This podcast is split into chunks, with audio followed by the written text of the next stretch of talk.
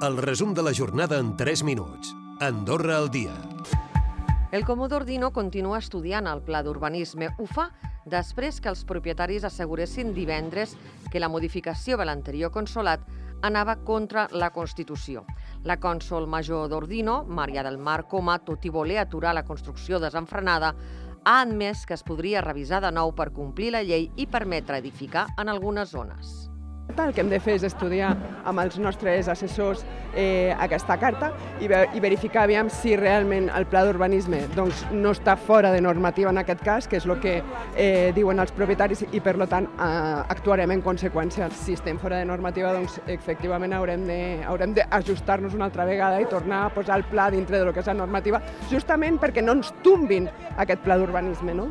I per la seva banda, el president de la Unió de Comerciants Andorrans de Tabac, Raül Calvo, explicava que el sector està perdent clients. L'últim any, les importacions han minvat més d'un 20% i les vendes als establiments disminueixen com a comerciant ser traslladar el, i obtindre els millors marges comercials i gestionar, en tot cas, d'una manera no basada en volum, sinó en qualitat de, de, de venda.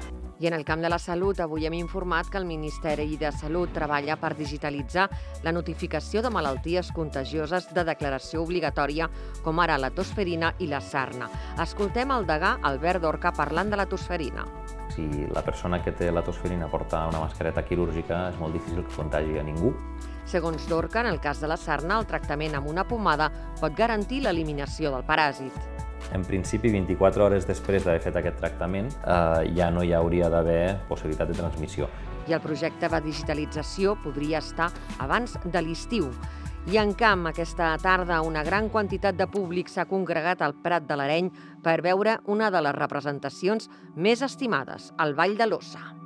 Nosaltres pensàvem que tocava amb els contrabandistes precisament fer la paròdia de les dues persones que havien encapçalat les dues eleccions, tenint en compte que la, feia tan poc que les havien tingut i que encara a Ordino tenen un ressò com a conseqüència d'aquestes demandes que fa el cap de l'oposició. Per Carnaval tots igual, per tant jo penso que avui és un dia de, de, de, bueno, de disbauxa, per dir-ho d'alguna manera, i per tant s'ha de, prendre, de prendre molt bé.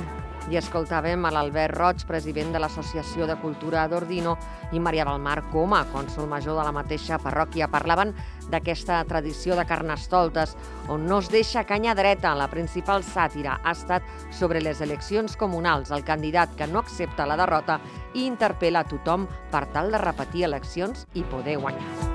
Recupera el resum de la jornada cada dia a AndorraDifusió.d i a les plataformes de podcast.